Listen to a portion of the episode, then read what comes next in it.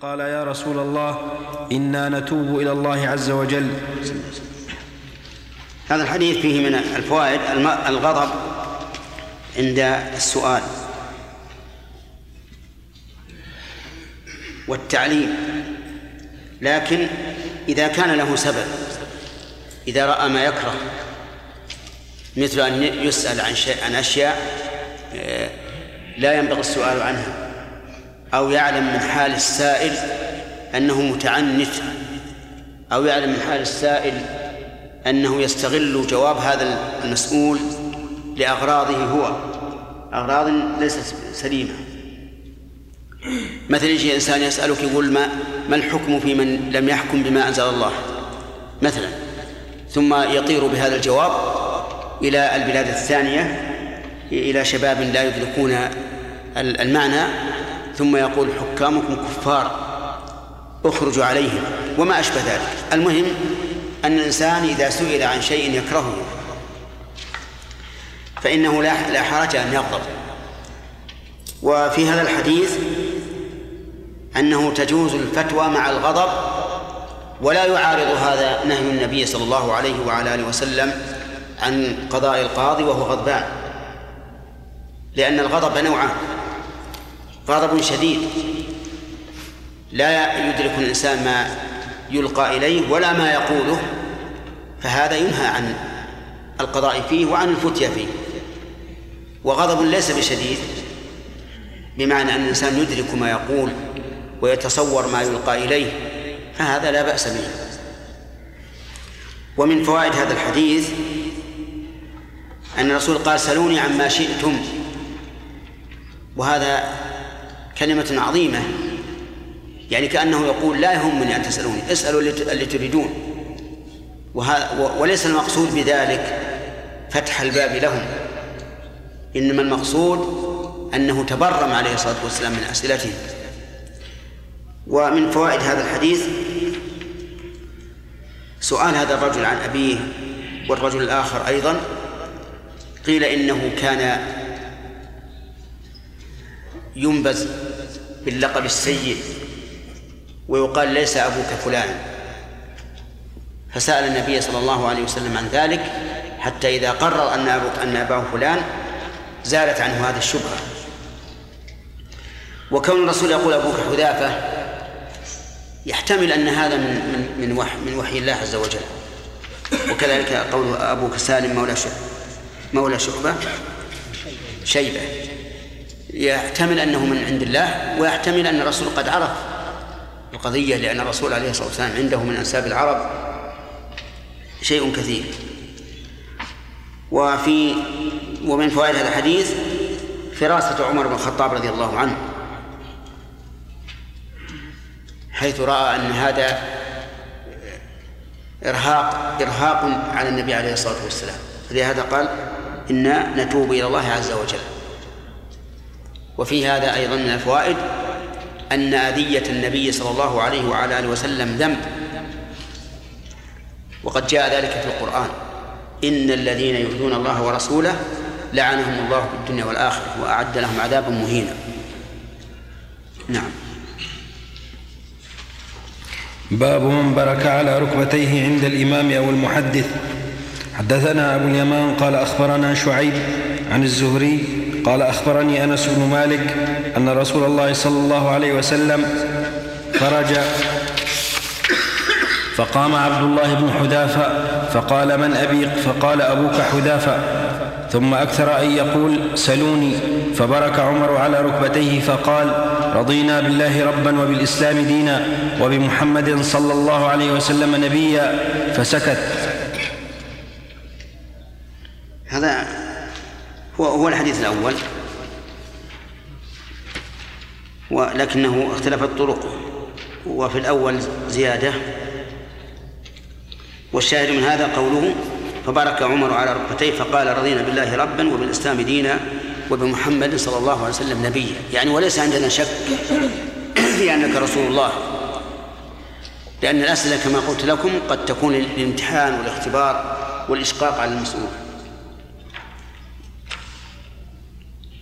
باب من أعاد الحديث ثلاثا ليفهم عنه فقال ألا وقول الزور؟ فما زال يكررها. وقال ابن عمر قال النبي صلى الله عليه وسلم هل بلغت ثلاثا حدثنا عبدة. قال حدثنا عبد الصمد. قال حدثنا عبد الله بن المثنى. قال حدثنا ثمامة بن عبد الله عن أنس عن النبي صلى الله عليه وسلم أنه كان إذا سلم سلم ثلاثا وإذا تكلم بكلمة أعادها ثلاثا حدثنا عبدة بن عبد الله قال حدثنا عبد الصمد قال حدثنا عبد الله بن المثنى قال حدثنا ثمامة بن عبد الله عن أنس عن النبي صلى الله عليه وسلم أنه كان إذا تكلم بكلمة أعادها ثلاثا حتى تفهم عنه وإذا أتى على قوم فسلم عليهم سلم عليهم ثلاثا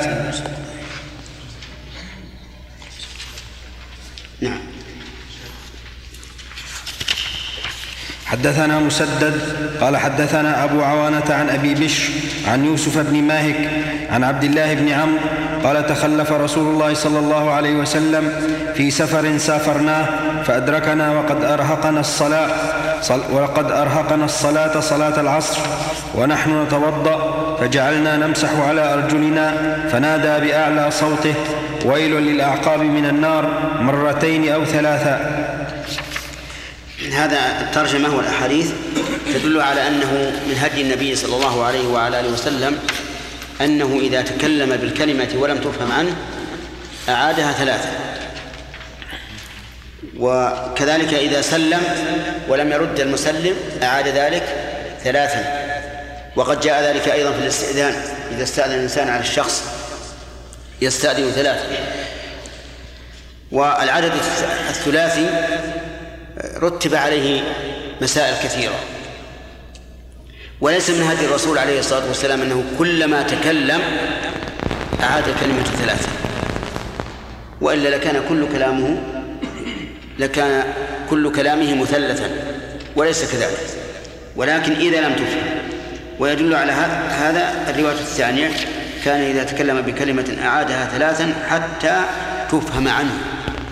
طيب وإذا كان المتكلم متعلما ولم يفهم بالثلاث فهل نعيد؟ نعم. نعم نعيد. ما دمنا نفهمه نعيد. لكن إذا كنا نتكلم كلاما عاما وخشينا أن لا يفهم بعض الحاضرين ما نقول فإننا نعيده مرة ومرتين.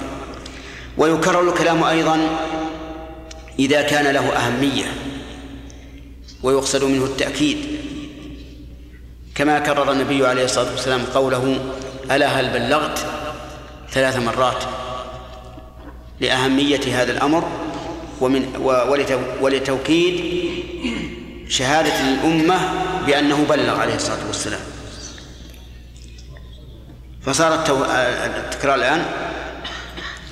إذا كان لم يفهم المخاطب وإذا كان الأمر له أهمية. متى يا شيخ يجوز للمسؤول أو المتكلم أو يعني ينبغي له أن يعيد الكلام اذا طلب منه؟ ومتى ومتى طلب منه؟ وعلمنا أن الطالب لم يفهم حقيقة. نكرر عليه حتى يفهم. لكن بعض الناس حتى هذا يرجع إلى يرجع للمعلم إذا كانت المساله في مقام التعليم. قد يكون من المصلحة أن لا أجيبه تعزيرا له حتى لا يتلاعب يبدأ يسرح ولم رجع من سرحه قال ماذا قلت نعم ما الفائدة من عقد الباب السابق؟ إيش؟ الفائدة من عقد الباب السابق إيش؟ الترجمة السابقة إيش؟ ما الفائدة من أي يعني أنه لا بأس به غرض ان هذا لا ليس ليس سوء, سوء ادب نعم.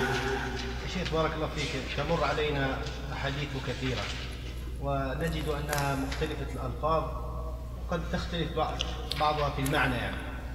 فهل هذا لتعدد الروايات أم هو لجواز الرواية بالمعنى يعني؟ هذا هذا الثاني. كل الأحاديث يعني غالبها تروى بالمعنى. تروى بالمعنى وقد قال بعض بعض بعض المحدثين بعض الرواة يقول لو كان لو كنا لا يجوز لنا ان أن نروي بالمعنى يعني ما ما, ما روينا ولا حديثا واحدا. وهذا واضح في في سياقات الأحاديث. نعم. باب تعليم الرجل أمته وأهله. أخبرنا محمد هو ابن سلام. قال حدثنا المحاربي. قال حدثنا صالح بن حيان. قال قال عامر الشعبي. حدثني أبو بردة عن أبيه. قال قال رسول الله صلى الله عليه وسلم ثلاثة لهم أجران. رجل من أهل الكتاب آمن بنبيه وآمن بمحمد صلى الله عليه وسلم. والعبد المملوك إذا أدى حق الله وحق مواليه. ورجل كانت عنده أمة, أمة ورجل كانت عنده أمة فأدبها فأحسن تأديبها. و ها؟ كيف؟ فأدبها. عنده أمة فأدبها. قبل فأدبها؟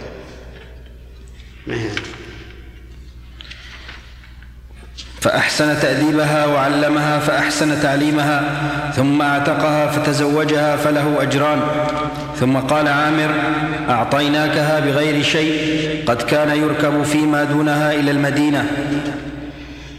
نعم هذا فيه دليل على ما ترجم له المؤلف وهو أن الإنسان ينبغي له أن يعلم أهله وأن يؤدبه. يجمع بين الأمرين بين بين العلم والتربية. فيكون له إذا كانت على الصورة التي ذكرها النبي عليه الصلاة والسلام يكون له أجران. هذه الأمة أدبها فأحسن تأديبها وعلمها فأحسن تعليمها ثم أعتقها فتزوجها. يعني لم يتسرها لم يتسرها بل أعتقها حتى تحررت من الرق ثم رفع شأنها بأن تزوج بها. وتصوروا لو كان هذا السيد أعتق عبده أمته ثم أعلن ذلك ودعا المأذون الشرعي فعقد له النكاح واشتهر هذا بين الناس فسوف يكون ذلك رفعة لهذه الأمة. فيكون له أجران أجر سابق على العتق وأجر لاحق كذلك الذي آمن بنبيه وآمن بمحمد مثل النجاشي وعبد الله بن سلام عبد الله بن سلام من اليهود والنجاشي من من النصارى. هؤلاء أيضا لهم أجران. الأجر الأول الإيمان بنبيه والثاني الإيمان بمحمد صلى الله عليه وعلى وسلم. والثالث المملوك يؤدي حق الله وحق مواليه. فيكون قام بحقين فله فله أجران. ولكن ليعلم أنه ليس العبرة بالكم العبرة بالكيف.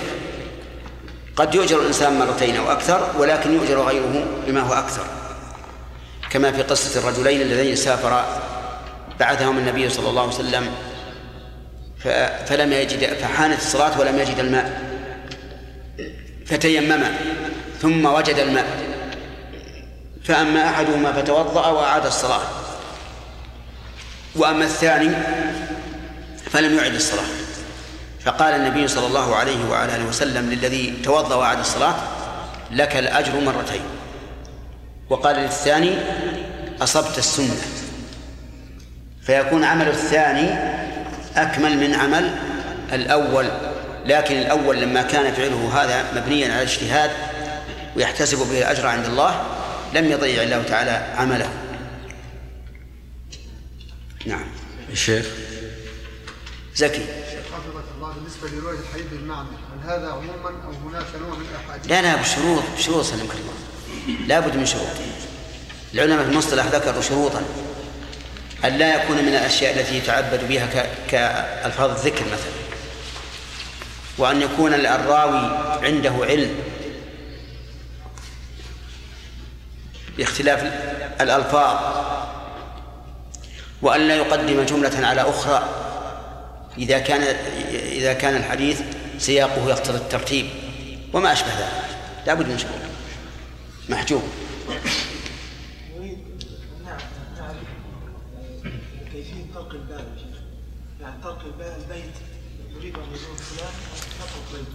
ما تعرف تطرق البيت؟ نعم هل طلقة واحدة أم ثلاثة ونحسبها ثلاث. لا بعض الناس يدق هكذا كأنها واحدة بعدين هكذا كأنها واحدة. إلى ثلاثة. يعني كان لما حصل ثلاثة يدق تسعة طلقات ما رأيك؟ يعني أن تريد أن تكون كل كل دقة منفصلة عن الثانية. لو دقناها كذا فقط. ممكن ما يسمع. وبعدين مرة ثانية يعني ممكن يكون صاحب البيت يعني يكون شبه أصم. يعني ممكن يكون. بعض الناس يعني سمعهم ثقيل يا شيخ. صحيح. نعم.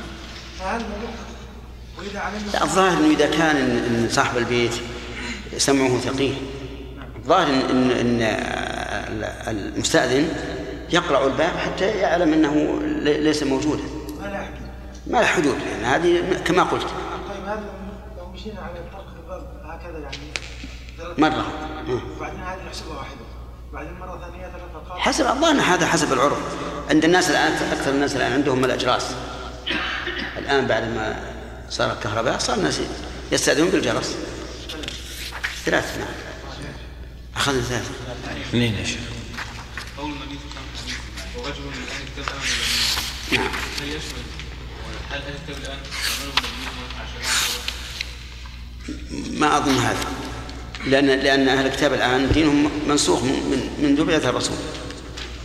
وإن كان ظاهر اللفظ العموم اللهم إلا إذا كان الرجل الذي من أهل الكتاب لم يعلم ببعثة الرسول عليه الصلاة والسلام فلما علم بادر إلى الإيمان فهذا يدخل في الحديث. باب عظة الإمام النساء وتعليمهن.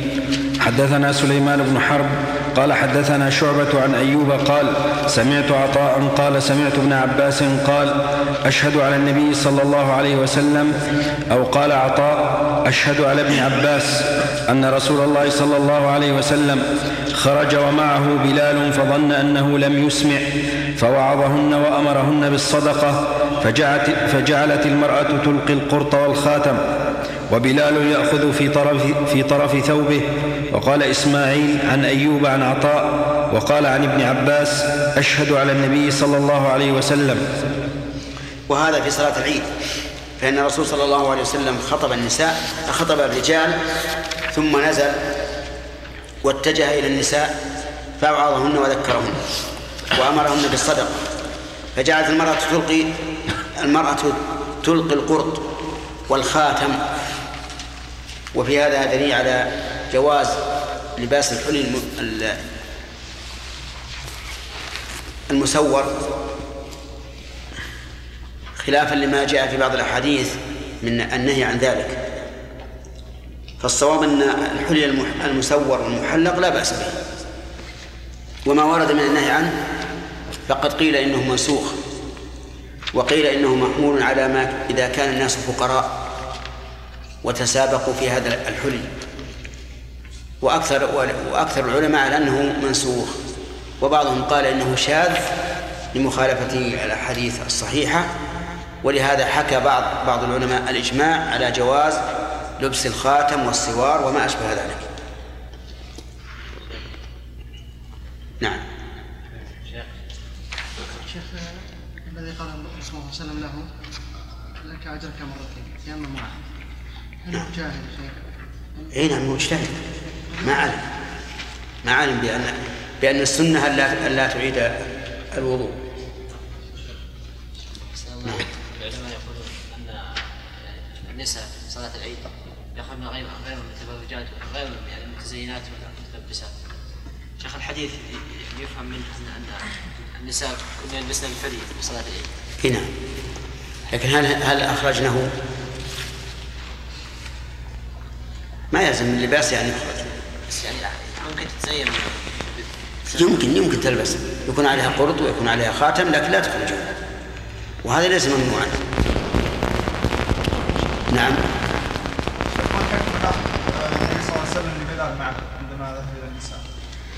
ما ندري. الرسول أحيانا يختار بعض الصحابة وإن كان غيره أفضل منه. ومعروف أن بلال رضي الله عنه كان مؤذن رسول الله, صلى الله عليه وسلم. فلعله صادف ان أن وقع رأيه ذا- في تلك الساعة على هذا الرجل. نعم. باب الحرص على الحديث. حدثنا عبد العزيز بن عبد الله قال حدثني سليمان عن عمرو بن أبي عمرو عن سعيد بن أبي سعيد المقبري عن أبي هريرة أنه قال قيل يا رسول الله من أسعد الناس بشفاعتك يوم القيامة؟ قال رسول الله صلى الله عليه وسلم لقد ظننت يا أبا هريرة الا يسألني عن هذا الحديث أحد أول منك. لما رأيت من حرصك على الحديث؟ أحد أول عندي بالرفع اصبر نعم أحسن. اعيدها يا شيخ. نعم. لقد ظننت يا أبا هريرة الا يسألني عن هذا الحديث أحد أول منك. لما رأيت من حرصك على الحديث أسعد الناس بشفاعتي يوم القيامة. من قال لا إله إلا الله خالصا من قلبه أو نفسه. يعني شك هل قال من قلبه أو نفسه. ومطابقة الحديث الترجمة ظاهرة. فإن أبا هريرة رضي الله عنه من أحرص الناس على حديث رسول الله صلى الله عليه وعلى آله وسلم. ولهذا روى الأحاديث الكثيرة عن الرسول عليه الصلاة والسلام مع تأخر الإسلام لأنه كان يلازمه ويأخذ عنه. ولا يقال إن, إن الحرص على الحديث كالحرص على المال. الحرص على المال لا ينبغي لكن الحرص على الحديث أمر محمود يحمد عليه الإنسان لما في ذلك من من العلم. وفي الحديث الذي قبله جعل المرأة تلقي القرط دليل على أن المرأة ليست ليست محجورا عليها وأن لها أن تتصدق بما شاءت من مالها سواء علم بذلك الزوج أم لم يعلم وهذا القول هو الراجح. نعم. الذهب المحلل إذا قلنا أنه لا يجوز. غالب الذهب محلل نعم. فالذهب الذي يجوز على قوله المرصع المحلق هو يعني قطع مقطع. محلق كل مدور. طيب كيف يلبس؟ إذا إذا لم لا في في مثلا يحطون يحطون قلاده. هذا محلق لا. القلاده المحلق هو الخيط. المحلق المدور. كالسوار. كالسوار والخاتم. أما أما الخرس مثلا ما هو مهم محلق. أو مثلا القلادة. لا لا لا, لا يوجد حلق. تكون الحلقة من من غير الذهب. نعم. الشيخ الحافظ ذكر بأن قول النبي صلى الله عليه وسلم من هلك أسلم فأجرك مرتين. نعم. يدل على أن النصراني إذا كان بدين محرف وأسلم يدخل في الحديث إي نعم. إيه الحديث عام. لكن سؤال ال- الأخ أما ال- اللي يسلم الآن يعني بعد أن علم أن الرسول حق. ولكنه لم كفر بمحمد. ثم أسلم. هل يعطى أجره مرتين؟ نقول لا يظهر هذا لأنه لأنه بقي على دين لا يحل له البقاء عليه. نعم لو كان مثلا في أرض بعيدة لا يعرف عن الإسلام شيئا فلما علم بالإسلام أسلم فهذا يدخل في الحديث. نعم. في بعض البلاد الإسلامية يدرس رجل فصل من النساء. حجة أنه لا لا مدرس لهذه المادة من النساء. مع العلم أنه يدرس من غير حجاب. يعني من غير حجاب بينه وبين النساء. نعم. فهل هذا سائغ؟ سائغ إذا لم يكن في ذلك فتنة وكانت النساء متحجبات. غير كاشفات عن لا ما يجوز.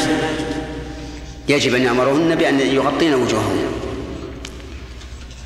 ويستعملن النقاب من أجل أن ينظرن إلى ما يلقيه على السبورة مثلا أو ما أشبه ذلك. طيب إن تعذر ذلك ألا تلغى هذه المادة؟ أو يقال هو للحاجة؟ لا ما تعذر ما تعذر ما أظن تتعذر هذه ما تتعذر. شيخ عندنا النساء صعب ينتقل بالدين طيب إذا كان صعبا يجعل حائل بسيط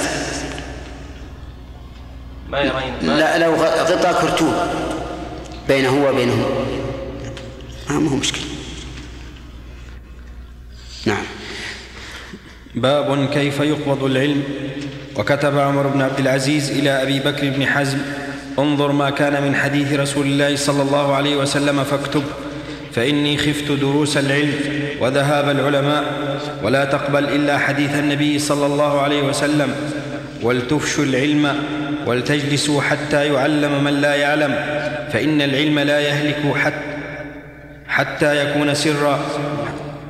حدثنا العلاء بن عبد الجبار قال حدثنا عبد العزيز بن مسلم عن عبد الله بن دينار بذلك يعني حديث عمر بن عبد العزيز إلى قوله ذهب العلماء. هذه كلمات جيدة من الخليفة عمر بن عبد العزيز رحمه الله. كتب إلى أبي بكر بن حزم انظر ما كان من حديث رسول الله صلى الله عليه وعلى آله وسلم فاكتبه وفي هذا دليل على جواز كتابة الحديث. وقد كان فيه خلاف قديم لكن بعد ذلك أجمعت الأمة على أنه لا بأس به. بل قد يتعين وفي أيضا بيان الاعتماد على الكتابة. لقول فإني خفت دروس العلم وذهاب العلماء. فإذا اندرس العلم وذهبت العلماء بقيت كتبهم. وهذا هو الواقع الآن. كيف نصل إلى علم العلماء السابقين إلا بقراءة كتبهم؟ وفي أيضا أن حرص عمر بن عزيز بن عبد العزيز رحمه الله على أن لا يخلط مع حديث الرسول صلى الله عليه وسلم غيره من الآثار حتى لا يشتبه المرفوع بما دونه لقوله ولا تكتب إلا حديث النبي صلى الله عليه وسلم. وفي أيضا حث أهل العلم على إفشاء العلم ونشره وأن يجلسوا للناس ويعلموهم حتى يتعلم من لا يعلم. فإن العلم لا يهلك حتى يكون سرا. وأحسن مكان يعلن فيه العلم هو إيش؟ المساجد. لأن أبوابها مفتوحة وهي واسعة تحمل الطلبة الكثيرين. والإنسان لو درس في بيته لا شك لا بأس به لكن كونه في المسجد أوسع وأنفع. نعم. حدثنا إسماعيل بن أبي أويس قال حدثني مالك عن هشام بن عروة عن أبيه عن عبد الله بن عمرو بن العاص قال سمعت رسول الله صلى الله عليه وسلم يقول إن إن الله لا يقبض العلم انتزاعا ينتزعه من العباد ولكن يقبض العلم بقبض العلماء. حتى إذا لم يبق عالما اتخذ الناس رؤوسا جهالا فسئلوا فأفتوا بغير علم فضلوا وأضلوا. قال الفربري حدثنا عباس قال حدثنا قتيبة قال حدثنا جرير عن هشام نحوه. هذا سبق الكلام عليه. لكن قد ورد في بعض الآثار أن كلام الله عز وجل في آخر الزمان يرفع يرفع من صدور الرجال ومن المصاحف حتى يصبح الناس وليس لديهم مصاحف مكتوب فيها كلام الله ويصبح الناس وليس وليس في صدورهم شيء محفوظ من كتاب الله. وذلك والله أعلم فيما إذا غفل الناس عن كتاب الله ولم يعملوا به وزهدوا به وأعرضوا عنه. فإنه فإنه أعز من أن يبقى بين قوم لا يلتفتون إليه. ونظير هذا الكعبة المشرفة. فإن الله تعالى حبس عن مكة الفيل. وأرسل على الذين أرادوا غزوها طيرا أبابيل ترميهم بحجارة من سجيل فجعلهم كعصف مأكول. لكن في آخر الزمان يسلط عليها رجل من الحبشة أفحج قصير ينقضها حجرا حجرا ويتناولها أصحابه من مكة إلى البحر. كل واحد يمد إلى الثاني حجرا منها حتى يلقوها في البحر. ولا يحميها الله عز وجل. لا عجزا لأنه حماه من قبل ولكن لحكمة. وهذا نفسره والله أعلم بما إذا امتهن أهل مكة هذه الكعبة المشرفة. وصاروا يبارزون الله تعالى بالعصيان في هذا المكان المعظم الذي قال الله فيه ومن يرد فيه بإلحاد بظلم نذقه من عذاب أليم. فإذا امتهن الناس هذا البيت الحرام سلط عليه من ينقضه حجرا حجرا. أما في قصة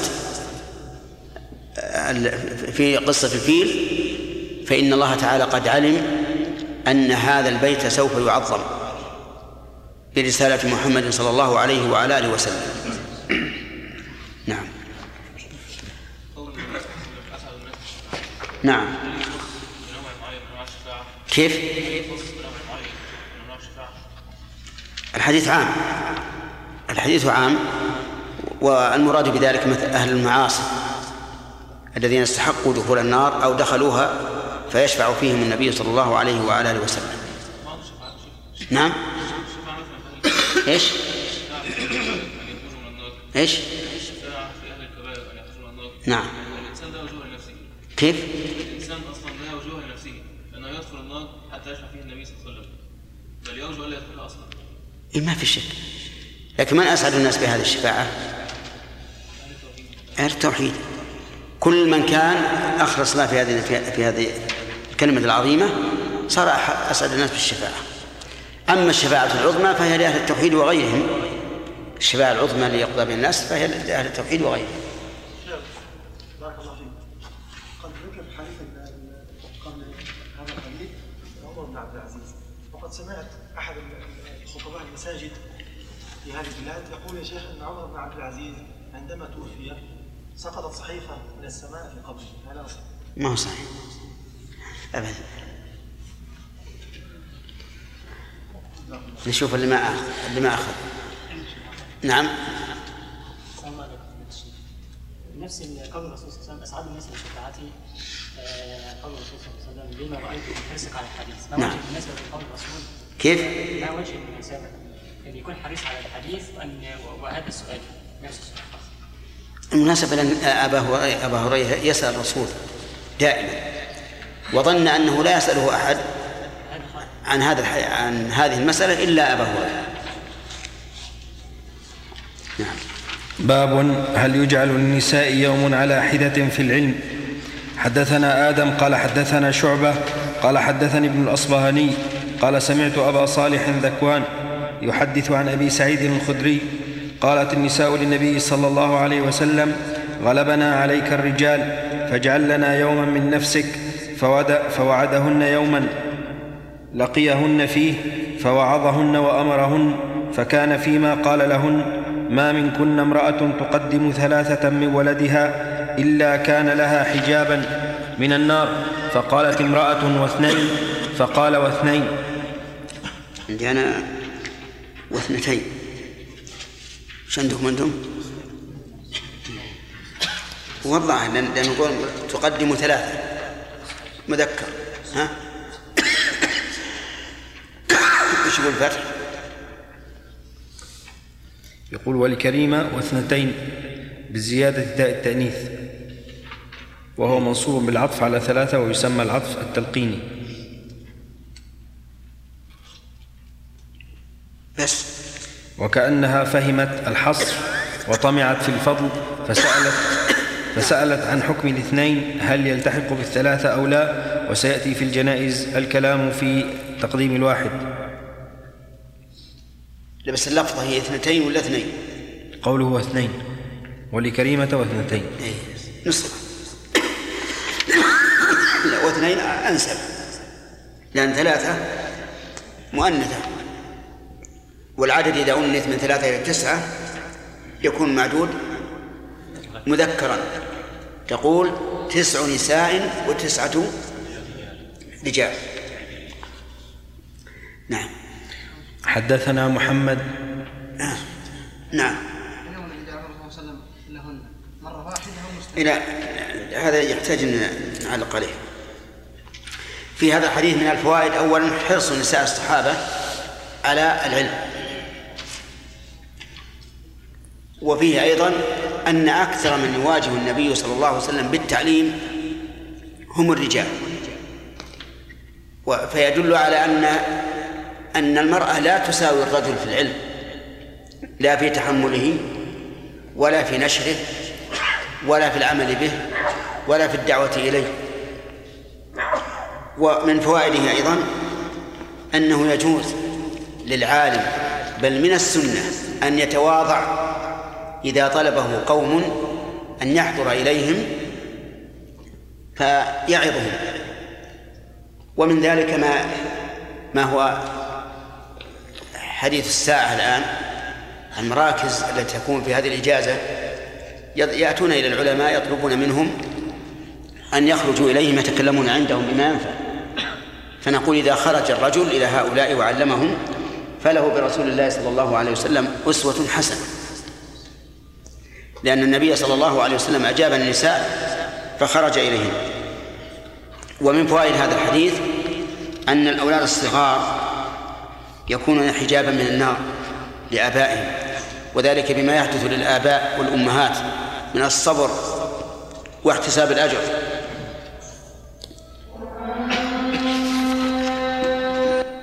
نعم.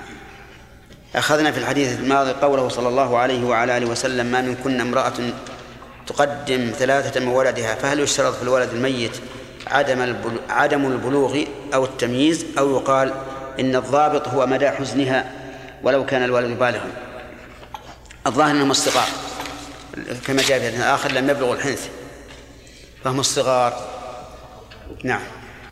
بسم الله الرحمن الرحيم. الحمد لله رب العالمين وصلى الله وسلم على نبينا محمد وعلى آله وصحبه. قال البخاري رحمه الله تعالى حدثنا محمد بن بشار قال حدثنا غندر قال حدثنا شعبة عن عبد الرحمن بن الأصبهاني عن ذكوان عن أبي سعيد الخدري عن النبي صلى الله عليه وسلم بهذا.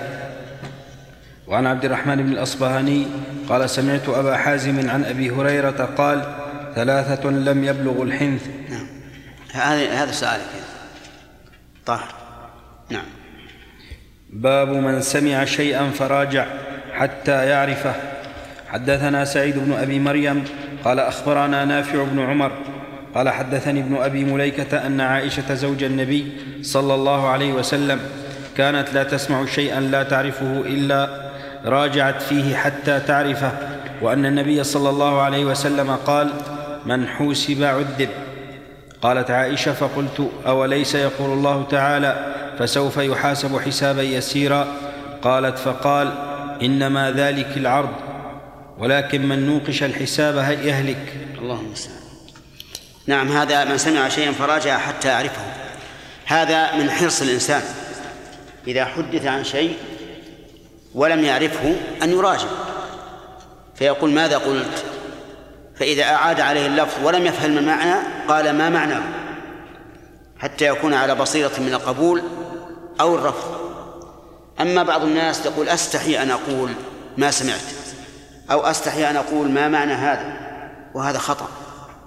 راجع حتى تعرف.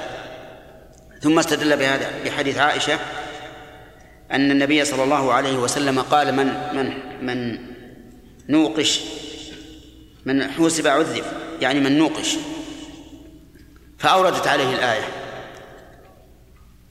فأما من أوتي كتابه بيمينه فسوف يحاسب حسابا يسيرا واحتجت عليه بقول الله. قالت أوليس الله يقول كذا وكذا. فأجابها النبي عليه الصلاة والسلام بأن المراد بالحساب العرض. المراد به العرض. وأما من حوسب ونوقش فإنه يهلك. لأن لأن الله لو حسبنا لكانت نعمة واحدة تجتاح كل عمل عملناه. بل إن العمل الذي نعمله من الأعمال الصالحة نعمة يحتاج إلى شكر.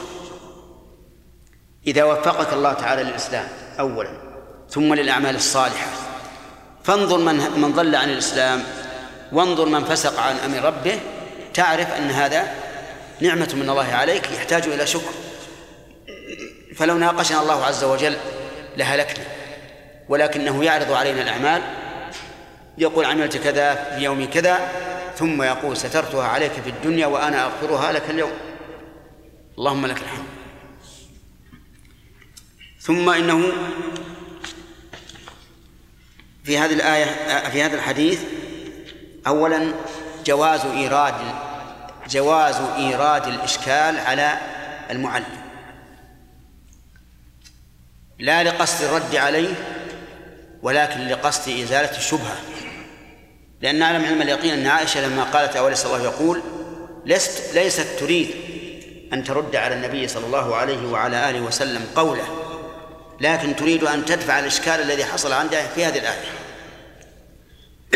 وفيها أيضا إثبات أن قول الله تعالى حجة مقدم على السنة لأن الرسول قال من حوسب عذب وهذا سنة من قول الرسول عليه الصلاة والسلام فأوردت عليه الآية.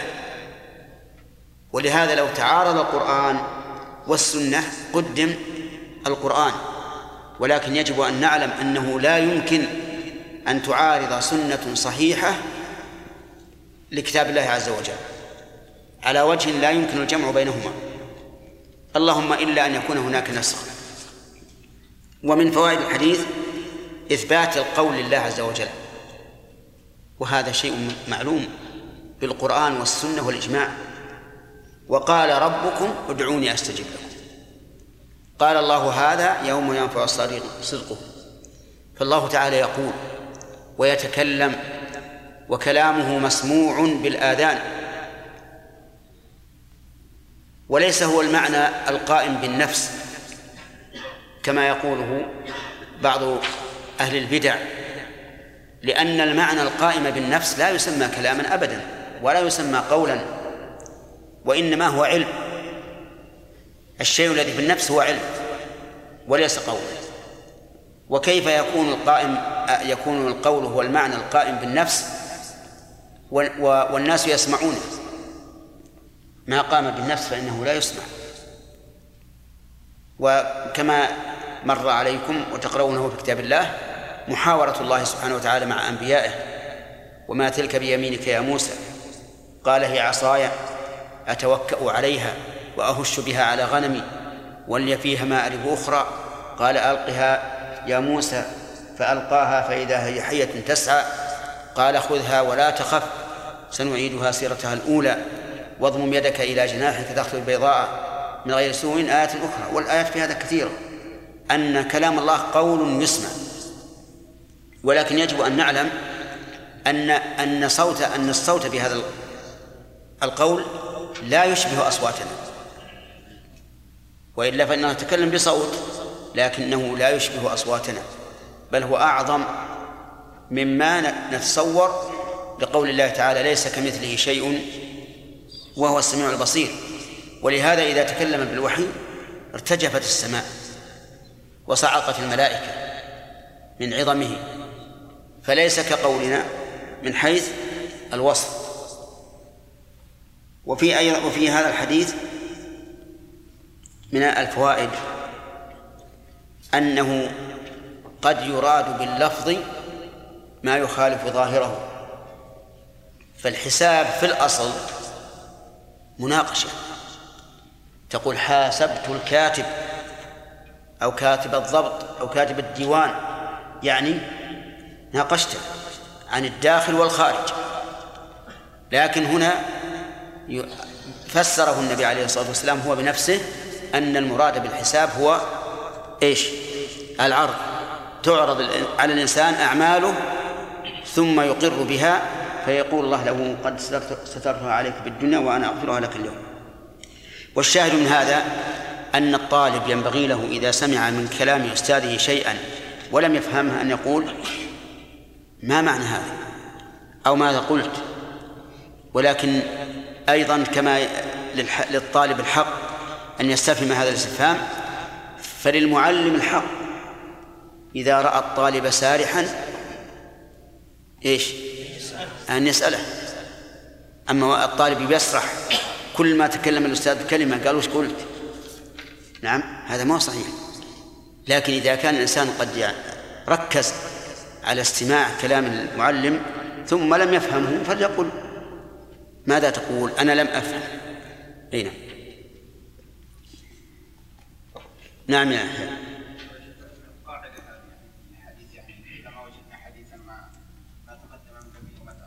نعم. نعم. إي هذا هذا الرسول. إي معلوم. نعم. وأيضا ربما يأتي شيء بهذا المعنى لكن مو بهذا اللفظ. مثل قول الله تعالى لأهل بدر اعملوا ما شئتم فقد غفرت لكم. نعم. لا.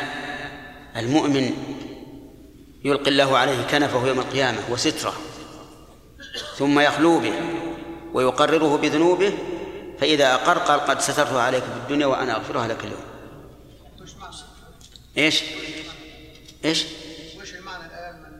الإنسان وعذب يعني ال- ال- الذي يناقشه الله يقول مثلا أنعمت عليك بكذا فبماذا شكرت؟ أنعمت عليك بالمال فبماذا اكتسبته وما أشبه ذلك. إذا نوقش فإنه يعذب. ليش؟ لأنه ما يمكن أن يقوم بشكر نعمة الله عليه. حساب العبد حينما يناقش الأعمال حسي ولا معنوي؟ حسي. يعني يتألم فقط ولا؟ كيف يتألم؟ ما يتألم ولا شيء. يناقش الله بعمله لكن المؤمن لا يناقش. الذي أوتي كتابه بيمين لا يناقش. إذا أذنب فالله قد يغفر له إلا الشرك. الشرك ما يغفر وما سواه يمكن يغفر الله بدون توبة. لا عطف تفسير نعم. باب ليبلغ العلم الشاهد الغائب. قاله ابن عباس عن النبي صلى الله عليه وسلم حدثنا عبد الله بن يوسف قال حدثني الليث قال حدثني سعيد عن أبي شريح أنه قال لعمرو بن سعيد وهو يبعث البعوث إلى مكة إذا لي أيها الأمير أحدثك قولا قام به النبي صلى الله عليه وسلم الغد من يوم الفتح سمع سمعته أذناي ووعاه قلبي وأبصرته عيناي حين تكلم به حمد الله وأثنى عليه ثم قال إن مكة حرمها الله ولم يحرمها الناس فلا يحل لامرئ يؤمن بالله واليوم الآخر أن يسفك بها دما ولا يعضد بها شجرة فإن أحد ترخص لقتال رسول الله صلى الله عليه وسلم فيها فقولوا إن الله قد أذن لرسوله ولم يأذن لكم وإنما أذن لي فيها ساعة من نهار ثم عادت حرمتها اليوم كحرمتها بالأمس. وليبلغ الشاهد الغائب فقيل لأبي شريح ما قال عمرو؟ قال أنا أعلم منك يا أبا شريح لا يعيد, لا يعيد عاصيا. ولا فارا بدم ولا فارا بخربة. خربة. خربة عندك؟ نعم. لا هو إن الحرم في بعض الروايات إن الحرم هذا الحديث حديث عظيم فيه فوائد كثيرة منها أنه يجب على الشاهد أن يبلغ الغائب أحاديث رسول الله صلى الله عليه وعلى آله وسلم. وكذلك العالم بها الذي لم يشهد الرسول عليه الصلاة والسلام يجب عليه أن يبلغ الجاهل بها. لأن الله إذا حملك علما فقد أخذ عليك الميثاق أن تبلغه. وإذا أخذ الله ميثاق الذين أوتوا الكتاب لتبيننه للناس ولا تكتمونه ولا تحتقر نفسك. لا تقول أنا لست عالما. إذا علمت حديثا واحدا بلغ. ومن فوائد هذا الحديث نعم وهذا هو الذي ساقه المؤلف من أجله. من فوائد هذا الحديث أولا مخاطبة الأمراء ولو فساقا مخاطبة الاحترام. فهذا أبو شريح صحابي وعمرو بن سعيد الأشدق ليس بصحابي بل هو فاسق. ومع ذلك يناديه هذا الصحابي يقول ائذن لي أيها الأمير. ففي هذا دليل على أن الجلف لا ينبغي أن يخاطب به الأمراء لأن الأمراء آنافهم رفيعة وعندهم من الكبرياء ما يجعلهم يردون الحق إلا إذا خوطبوا على وجه إيش؟ اللين. والحمد لله أنت لم تتواضع هذا التواضع لهذا الأمير إلا لرفعة الحق فأنت لا تريد أن أن أن تخضع له. لكن تريد أن يخضع هو لأي شيء للحق. فمخاطبة الأمراء باللين خير من مخاطبتهم بالجلع ولهذا قال ائذن لي هذا أدب. أيها الأمير ولم يقل ائذن لي يا هذا أو ائذن لي يا أمير بل أتى بأيها أيها الأمير وهي أرق وأبلغ في التعظيم من قوله ائذن لي يا أمير. ومن فوائد هذا الحديث أنه ينبغي للإنسان أن يقرن الحكم بالدليل. لأن أبا شريح لم يقل إن مكة لا يجوز بعث البعوث إليها أو ما أشبه ذلك قال أن أحدثك حديثا قام به النبي صلى الله عليه وسلم. ومن فوائده حرص النبي صلى الله عليه وعلى آله وسلم على احترام مكة. وتعظيمها. ولهذا قام بهذا الحديث في اليوم الثاني من الفتح. ومن فوائده أنه ينبغي للإنسان أن يذكر ما يكون سببا لقبول خبره وتقوية له. لقول أبي شريح رضي الله عنه سمعته أذناي ووعاه قلبي. وهذا يعود إلى القول.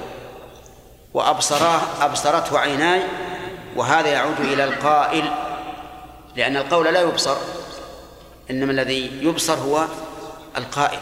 فهو يقول أنا أبصرته وسمعته أذناي ووعاه قلبي ولم أنس منه شيئا.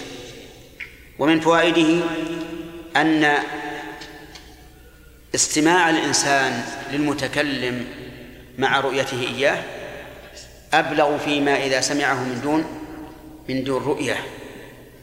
ولهذا قال العلماء لا ينبغي أن يكون بين الإمام والمأمومين فاصل يحجبه عن رؤيتهم. وهذا شيء مجرد تسمع الخطيب في الخطبة وأن تشاهده فيهز مشاعرك وتتأثر به. وإذا سمعته في, في, في, في شريط التسجيل لم يكن عندك ذاك التأثر. لأن مشاهدة العين للإنسان وهو يتكلم تعطي الإنسان قوة في الاستماع والفهم والوعي. ومن فوائد هذا الحديث ابتداء الخطبة بالحمد والثناء على الله. وهكذا كانت خطب الرسول عليه الصلاة والسلام يبتدئها بالحمد والثناء عليه. ومن أحسن ما أحسنها خطبة الحاجة التي علمها النبي صلى الله عليه وسلم أمته كما يعلمهم السورة من القرآن وهي الحمد لله نحمده ونستعينه ونستغفره ونعوذ بالله من شرور أنفسنا إلى آخره. وسمعت بعض الناس يزيد فيها وينقص ممن يحبون أن يأخذوا بالآثار. فتجد يقول الحمد لله نحمده ونستعينه ونستهديه. من أين جاءت ونستهديه؟ نعم نعم نعم نستهديه نطلب الهداية منه. لكن ما دمنا نريد أن نحافظ على ما ورد في هذه الخطبة فليكن كلامنا فيها حسب ما ورد. ولهذا كنا نقول نستغفره ونتوب إليه ثم تبين لنا أن كلمة نتوب إليه ليست واردة في هذا الحديث. وإنما الوارد الحمد لله نحمده ونستغفره نحمده ونست... نحمده ونستعينه ونستغفره. كذلك أيضا في الحديث ومن يضلل فلا هادي له.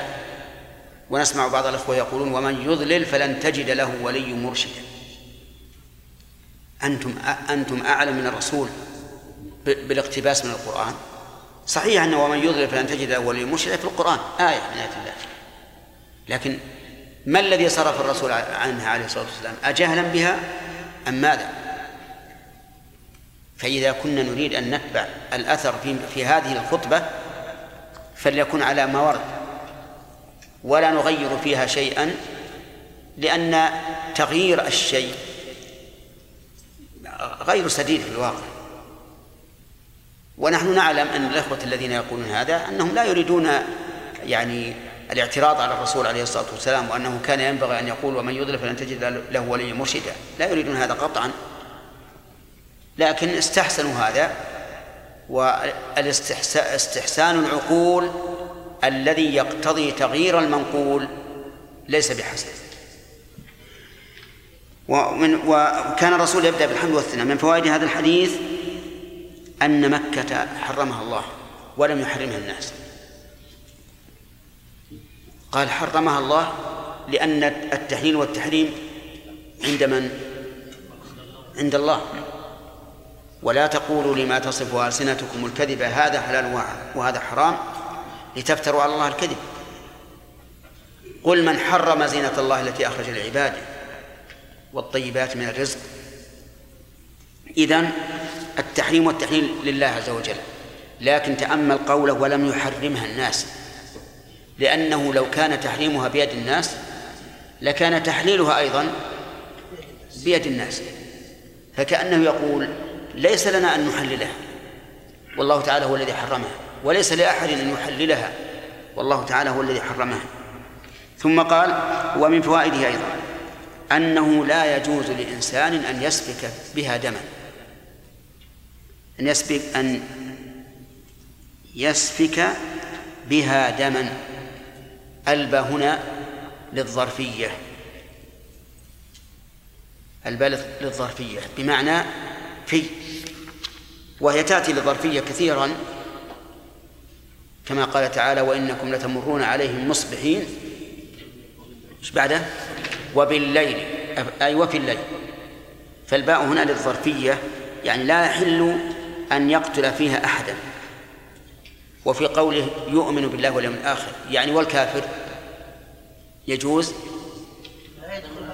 لا هذا من باب الإغراء. وأن مقتضى الإيمان بالله واليوم الآخر أن يحترم الإنسان مكة فلا يسفك بها دما. ولهذا يسمى هذا الوصف الوصف المثير على الالتزام أن الإنسان يلتزم بما علق عليه الإيمان بالله واليوم الآخر. واليوم الآخر هو يوم القيامة وسبق معنى آه، تسميته باليوم الآخر. ومن فوائد هذا الحديث أنه لا يحل أن يعضد بها شجرة. يعضد يعني يقطع. وإن كانت مؤذية. نعم. وإن كانت مؤذية. لا يحل أن يقطع في مكة شجرة ولو كانت مؤذية. وذهب بعض أهل العلم إلى جواز قطع الشجر المؤذي. وقال إنه بمنزلة الصائد. فتحريم الصيد أقوى من تحريم الشجر. ومع ذلك لو صار عليك صيد وأنت في مكة ولم يندفع إلا بالقتل إيش؟ قتلته ولا حرج عليك. وتحريم الصيد أشد. فكيف بالشجرة؟ قالوا هذه الشجرة المؤذية كالصائل لك أن تقطعها يعني مثل لو كانت شجرة فيها شوك في الطريق. وقال أكثر العلماء إنه لا يحل قطعها ولو كانت مؤذية. لأنه في بعض ألفاظ الحديث لا يعضد شوكها. لا يعضد شوكها. وهذا نص صريح. وأما قياسها على الصائل من الصيد فقياس فاسد من وجهين.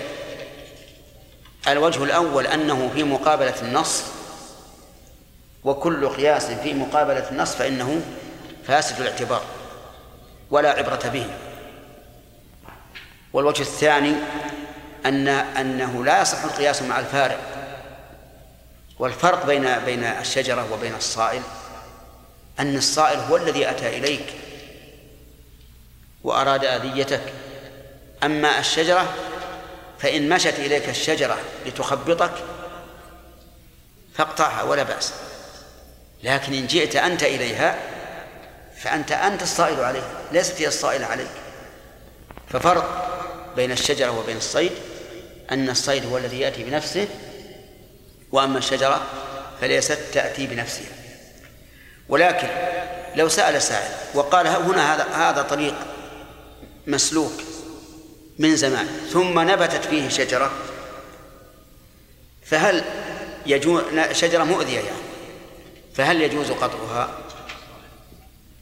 ونقول هذه صائلة الآن هي التي جاءت في طريقنا ولم ينتفع آداها إلا بقطعها. نعم هذا ربما يكون ربما يكون قياسا صحيحا.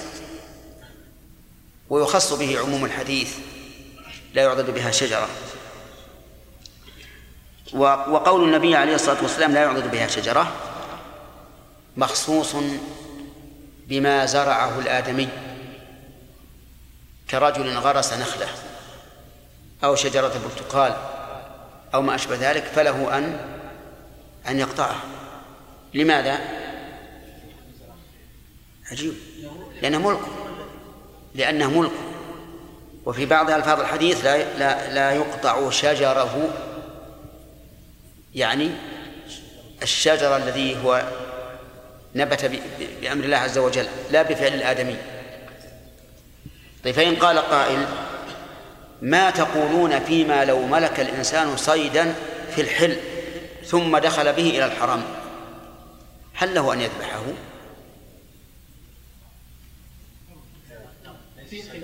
إن قلتم نعم إن قلتم نعم قلنا الآن صح القياس. وهو أن من زرع شجرة من غرس شجرة فله قطعها. وإن قلتم لا ففي, ففي النفس شيء. المشهور عند الحنابلة رحمهم الله أن من أدخل مكة صيدا فإنه يجب عليه إطلاقه لكنه ملكه وملكه فإذا أطلقه وأي واحد يمسكه يأخذ منه. من اللي يأخذه؟ مالكه الأول. لكن لا تبقى عليه يده يجب عليه إطلاقه. ولهذا يقال إن أنه مرة من المرات جاء الجراد. تعرفون الجراد؟ نعم. أتعرفه يا بن داود؟ طيب. نعم. معروف. المهم صاده الناس من خارج الحرم. من خارج الحرم. ثم دخلوا به إلى مكة وجعلوا يبيعونه في السوق. فذهب بعض الناس إلى القاضي في مكة في ذلك الوقت وكان يرى تقليد المذهب الحنبلي. فأمر الرجال إلى أن يذهبوا إلى الأسواق وأن يفتحوا أفواه الأكياس التي فيها الجراد ويجعلوها تطير. طيروها. لماذا؟ لأن الجراد صيد. ولا يجوز للإنسان أن يقر يده على الصيد وهو في مكة. ولكن القول الصحيح في هذه المسألة أن من صاد صيدا خارج الحرم وأدخله الحرم فإنه ملكه يتصرف فيه كما يشاء. ويذبحه ويأكله حلالا طيبا.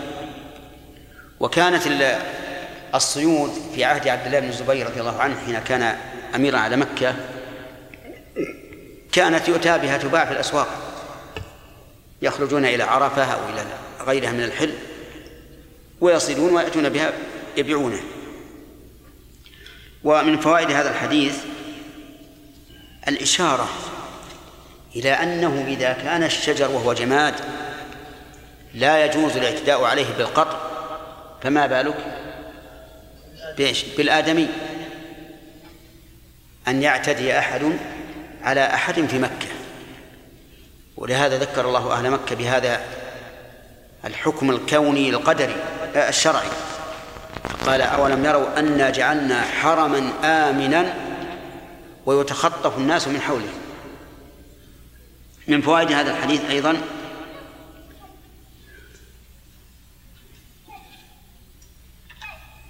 أنه لا يمكن أن يحتاج أحد إلى شيء في الدين إلا وفي الكتاب والسنة الجواب عنه.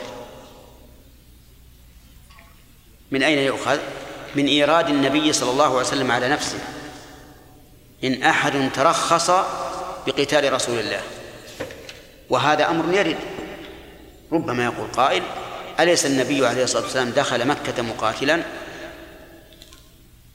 ولنا فيه أسوة.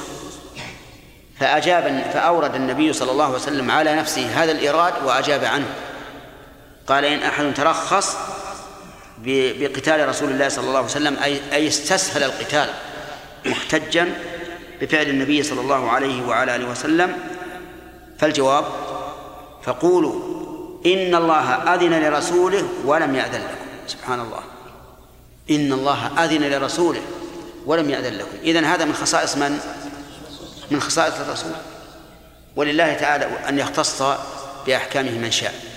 ثم إن هذه الخصيصة أيضا ليست لإهانة الحرم بل لتعظيم الحرم وتطهيره من الشرك. ولهذا لما قال سعد بن عبادة رضي الله عنه ومعه راية الأنصار. حين دخل النبي صلى الله عليه وسلم مكة قال اليوم اليوم يوم الملحمة اليوم تستحل الكعبة.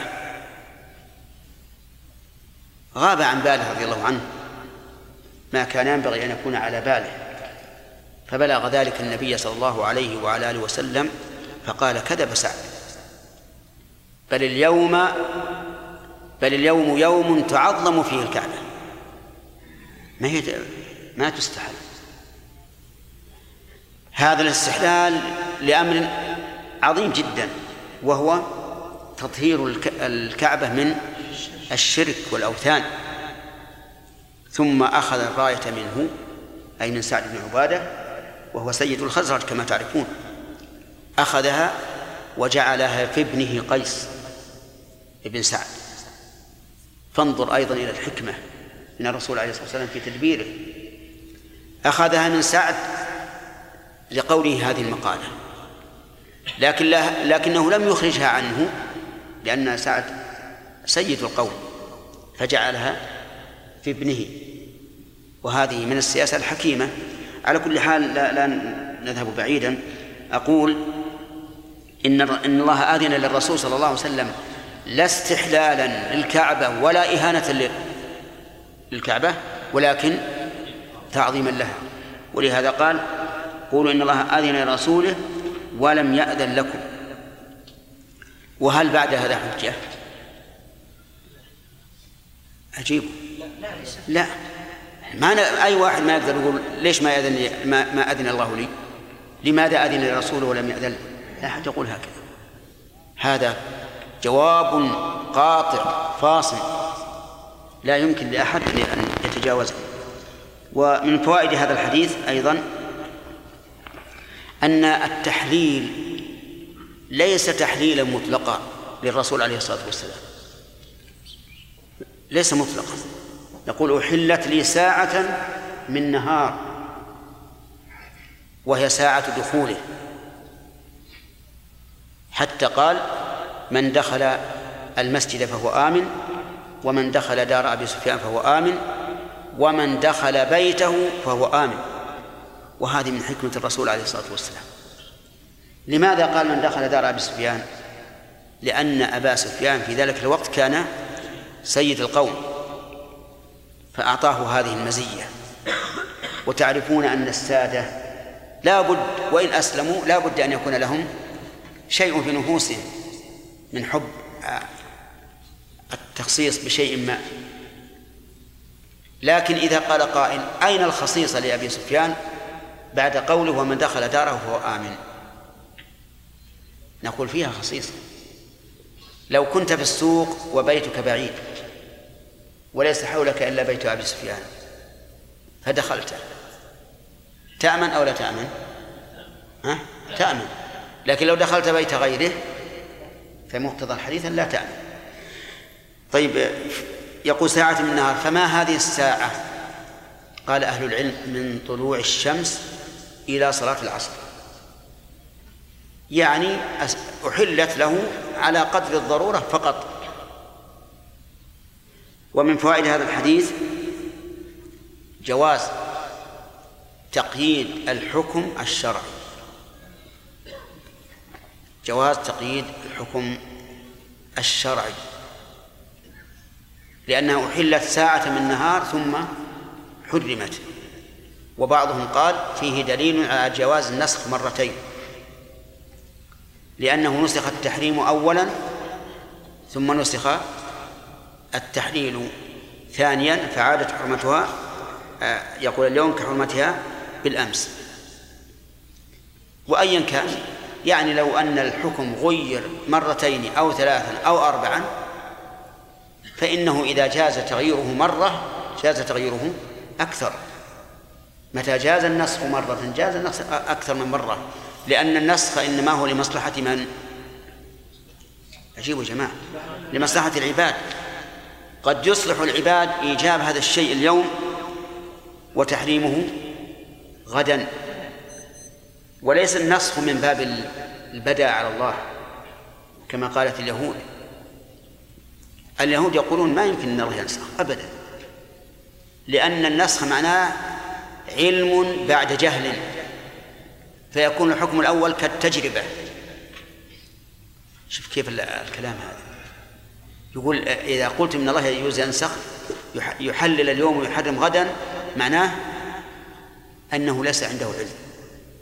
شرع بالأول هذا الحكم ثم جرب فوجده لا يصلح فعاد إلى الحكم الآخر.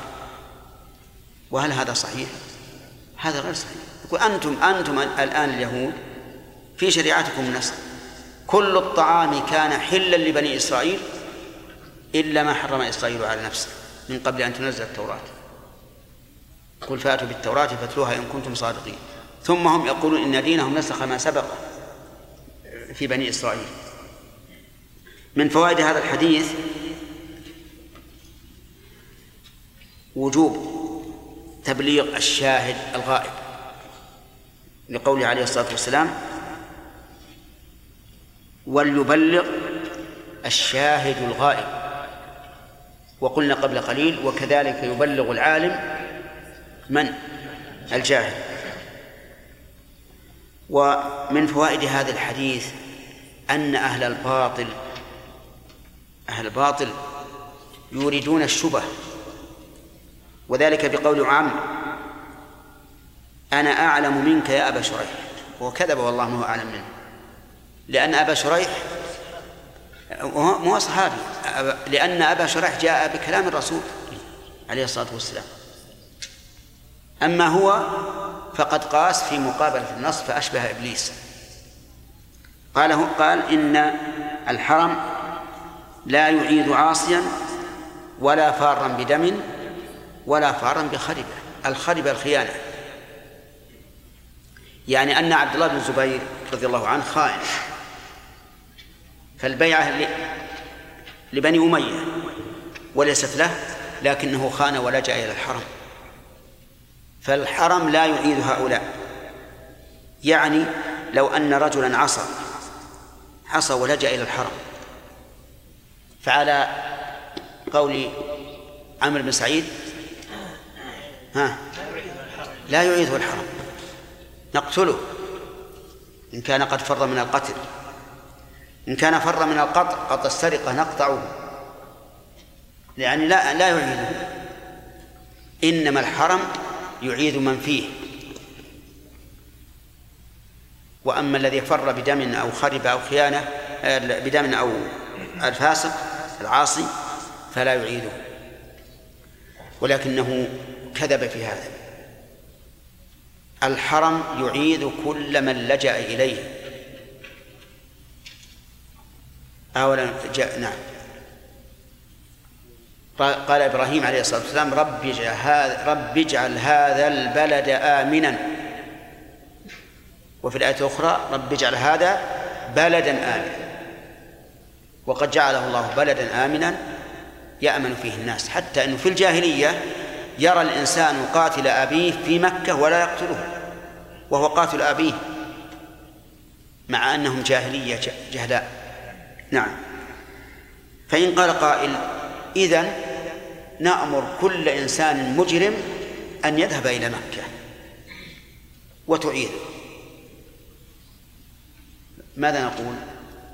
نقول نعم تعيده ولكن يعامل معاملة تقتضي أن يخرج من مكة.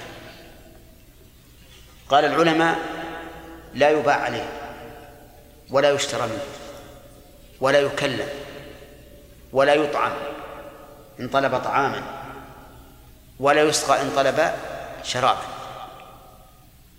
وبعد إذن نعم؟ تضيق عليه ويمشي يطلع. قد يأتي مثلا بوعاء من تمر وبسقاء من ماء ويستظل في شجرة لكن ما سوف ينفد. فيضيق عليه ال- بالهجر بالهجر في الواقع. يعني نحن ما يعني ما مسكناه وقلنا يلا اطلع. هجرناه. فإذا هجر بهذا الهجر الشديد فسوف يخرج. إذا خرج عاملناه بما يقتضيه جرمه. وربما يتبين بعد التأمل يتبين في هذا الحديث فوائد أخرى. فمن أراد منكم أن يستنبط منها شيئا فليفعل. وأظن ابن داود قد وكل إليه أن يكتب الأحاديث المنتقات في صحيح مسلم. والقياس في هذا الباب ليس بممنوع. نعم يا سليم. نعم. هذا جيد نعم. حديث هذا جيد وفيه فوائد نعم. سليم.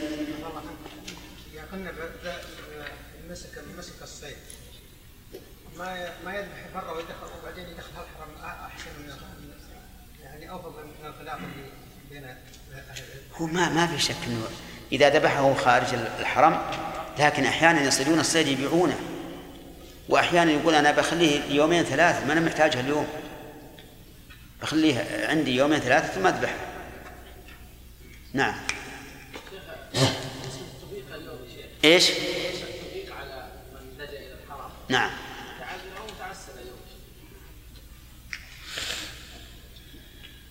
ما هو متعذر ولا متعسر؟ صحيح فيه شيء من التعسر لكن التعذر ما هو متعذر خلى معه جندي أو جنديان ويقال افطن لا أحد يكلمه ولا أحد يبيع عليه ولا شيء. ما يلقى. ما ما يلقى. هو ما ما نبي يقف على الدكان ويأخذ يأخذ منه. لو أراد ما ما حصل له هذا. نعم. شيخ بارك الله فيك. هل لفظ لا- وهو يكثر في الكتاب والسنة؟ كيف؟ لفظ أحل نعم. في الكتاب والسنة نعم. يشعر على أن الأمر في ال- في الأصل كان حراما فيكون في شيء من النسخ فيكون لفظ أحل يعني كأنه لا لا قد يكون حل آه، إقرار الحل طيب ماذا يفيد أحل؟ مثل أحل لكم صيد البحر وطعامه ما في تحريم من قبل لكن هنا لما ذكر أنه حرمها ولم يحرمها الناس قال وأحلت هذا تحليل بعد تحريم فالتحليل قد يرد بمعنى ال- الإقرار. في في نفس مكة لا ما يجوز. يجوز يصيدوه خارجا ثم يأكلوه في في مكة يطبخوه. في الع... في أظن العام هو العام أو قبل العام كثر الجراد في في رمضان. العام. كثر الجراد في رمضان. وصار الناس يأخذون يعني كميات. نعم. لا هذا الذي يداس بدون قصد لا ما- ما يضر. يداس بلا قصد لا, لا يضر. لكن لكن في ناس صاروا يعني أخذوا أكياس كما سمعت. وطبخوه وأكلوه. فهو حرام عليهم من جهة وعليهم ضمان. فدية. لكن ما هي الفدية؟ بعد ال- الأذان إن شاء الله.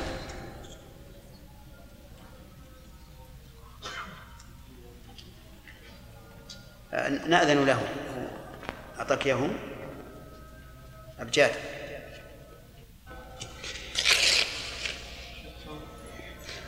أقول ماذا يكون فدية هذا الجراد؟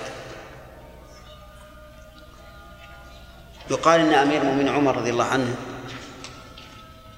قيل له يا أمير المؤمنين كل جرادة بتمرة. قال تمرة خير من جرادة. وهذا صحيح أن التمرة خير من الجرادة إلا في وقتنا الآن. لو تأتي إلى صبي تقول بعطيك هذه هذه الجرادة وأعطني عشر تمر. يعطيك ولا ما يعطيك عشر تمر؟ يعطيك. ها؟ يعطيك. يعطيك. نعم. يلعب بها نعم يلعب بها وينظر فيها. لكن على كل حال الجراد ليس له مثل من النعم. فيكون فيه قيمته في مكانه. توزع على فقراء الحرم. من؟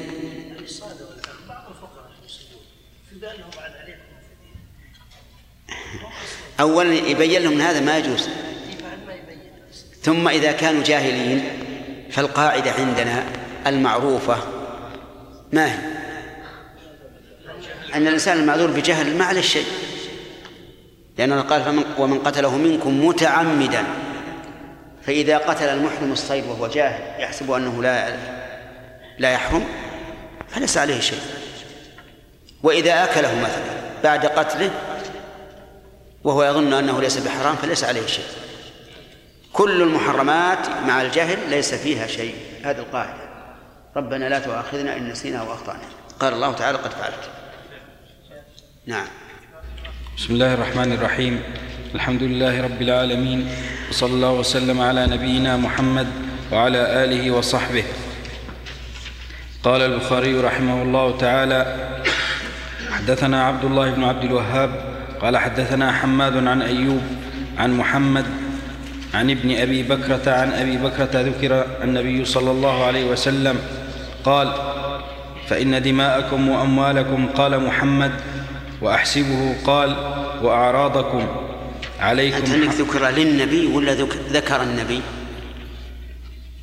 ذكر النبي. ذكر ضم الذال؟ نعم.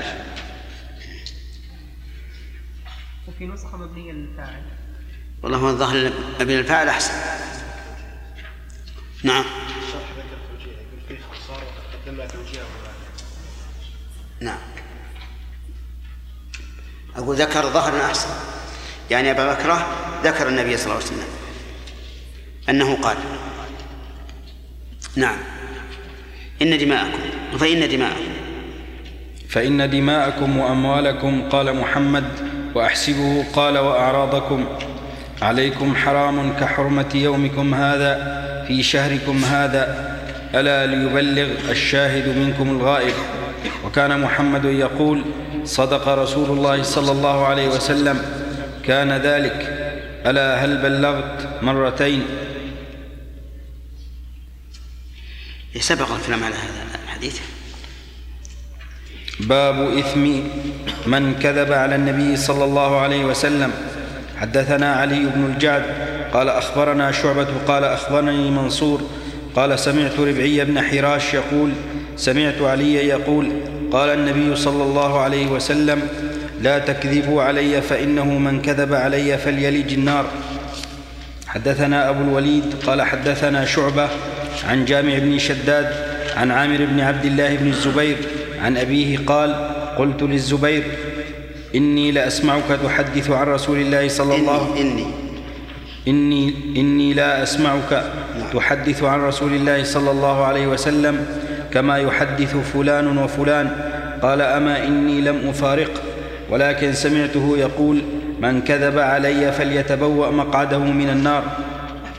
حدثنا أبو معمر قال حدثنا عبد الوارث عن عبد العزيز قال أنس إنه ليمنعني أن أحدثكم حديثا كثيرا أن النبي صلى الله عليه وسلم قال من من تعمد علي كذبا فليتبوأ مقعده من النار. حدثنا مكي بن إبراهيم قال حدثنا يزيد ابن أبي عبيد عن سلمة أنه قال سمعت النبي صلى الله عليه وسلم يقول من يقل علي ما لم أقل فليتبوأ مقعده من النار. أقرأ الحديث يا شيخ. نعم. أقرأ الحديث الأخير. بسم الله الرحمن الرحيم. قال المؤلف البخاري رحمه الله في صحيحه باب إثم من كذب على النبي صلى الله عليه وعلى آله وسلم.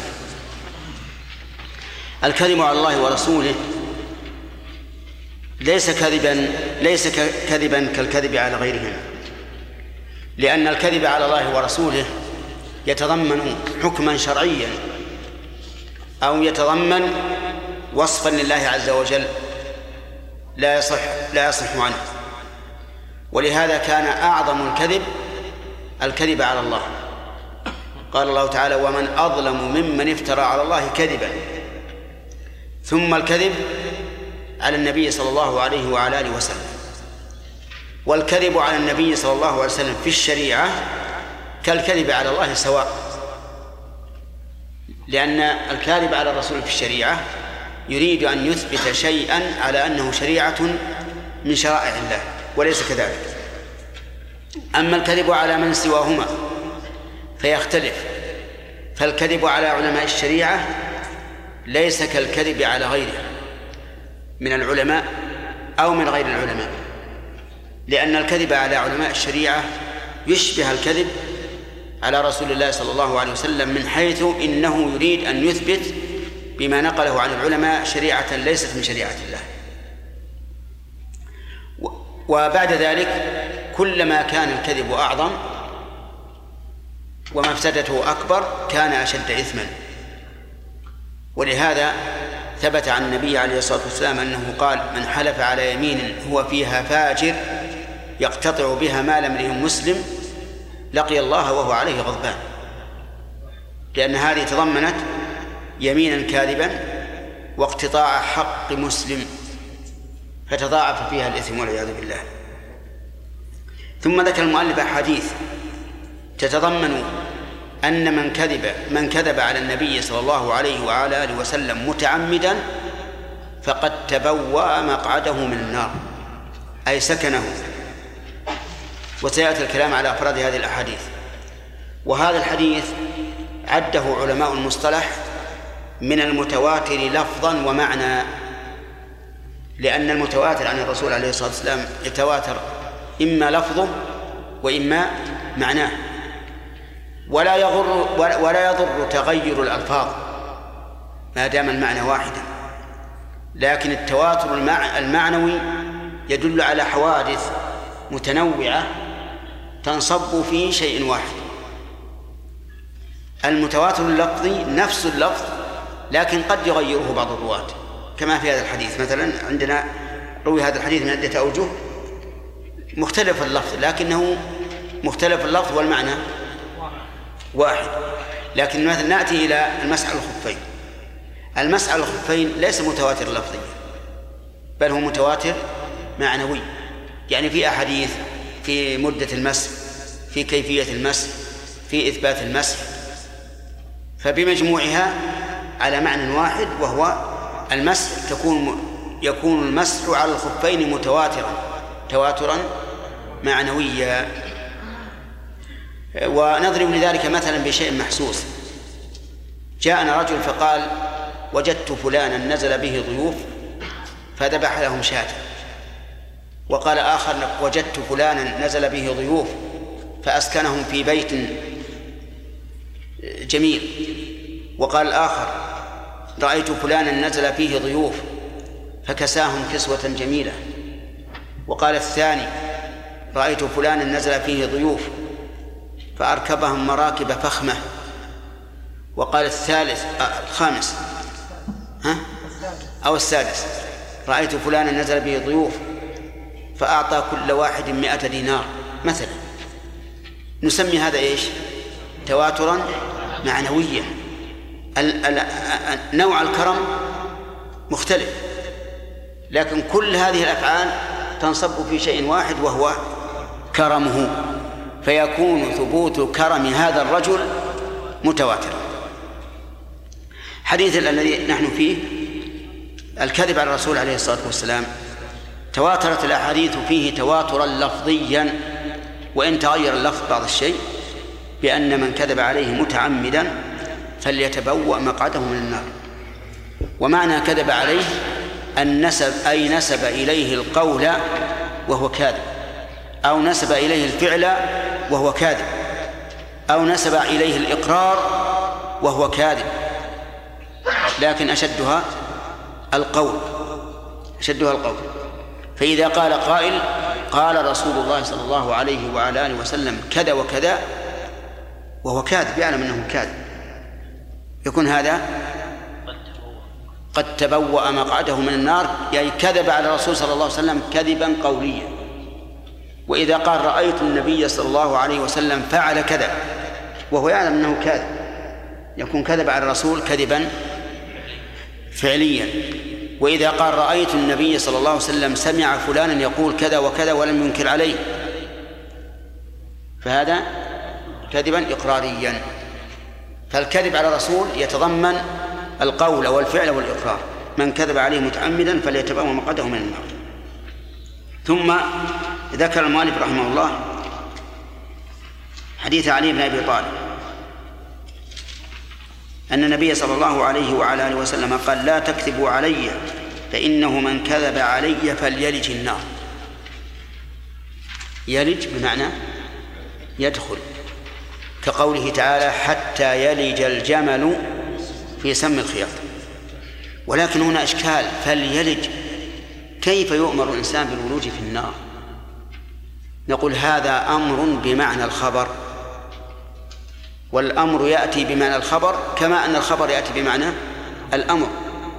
فهما يتعاوران يعني كل واحد يكون عارية في مقام الثاني. من إتيان الخبر بمعنى الأمر قوله تعالى والمطلقات يتربصن بأنفسهن هذا خبر لكن معناه الأمر. ومن الأمر بمعنى الخبر قوله تعالى وقال الذين كفروا للذين آمنوا اتبعوا سبيلنا ولنحمل خطاياكم. المعنى ونحن نحمل خطاياكم. لكن جاءت بصيغة الأمر. فليلج النار مثلها. يعني فقد ولج النار. فهو أمر بمعنى الخبر. ثم ذكر حديث عبد الله بن الزبير قال قلت للزبير إني لا أسمعك تحدث. قلت للزبير يقول عبد الله وهو أبوه. ومثل هذا التعبير عند العامة يستنكر.